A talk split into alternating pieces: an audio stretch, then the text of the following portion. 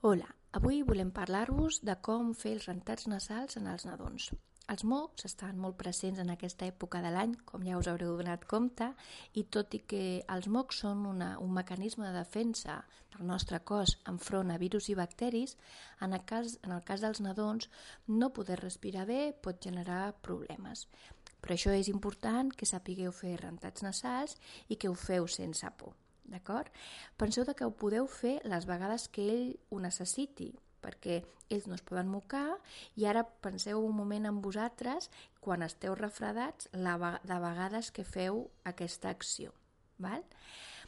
Una altra cosa és la utilització de l'aspirador nasal que el seu ús pot fer una sensació desagradable a la buida i que a més pot ressecar el, tota la mucosa del nas.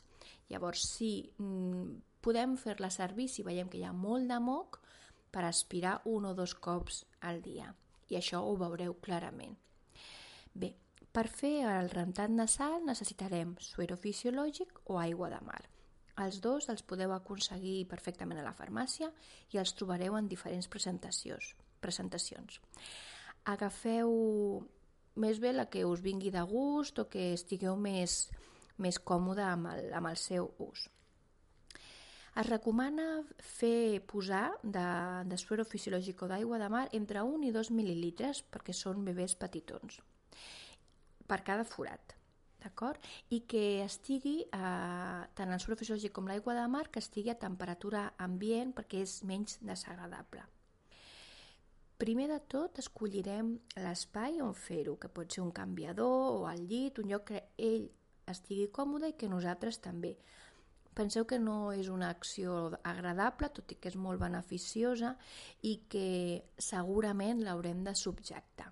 Llavors, que sigui un lloc segur per ell però que també sigui còmode per vosaltres.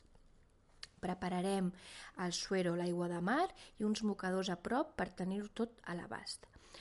Estirem el bebè boca dalt, també el podem estirar boca baix o assegut. La idea és que ho feu de la forma que vosaltres esteu més segurs subjectant aquest, el vostre nadó i un cop el tenim, el tenim estirat, li girem el seu cap cap a un costat aguantant-li, sense fer força però amb, amb intenció de que no es mogui, i li posem eh, el suero o l'aigua de mar per l'orifici que queda més a dalt.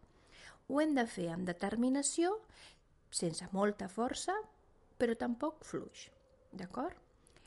Un cop posat el suero, el podem agafar amb braços i li, li retirem el moc que li hagi pogut sortir o per l'altre orifici o per la boca.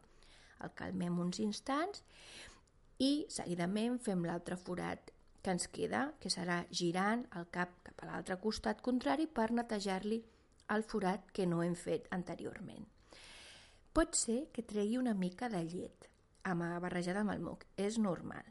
I també pot ser que no surti el moc perquè se l'empassi, també és normal i aquest moc l'eliminarà per les caques que normalment les caques surten una mica més verdoses. Bé, doncs fins aquí el nostre tema d'avui i des de l'equip de l'aplicació de pediatria esperem que us hagi estat de molta utilitat. Gràcies i molta salut.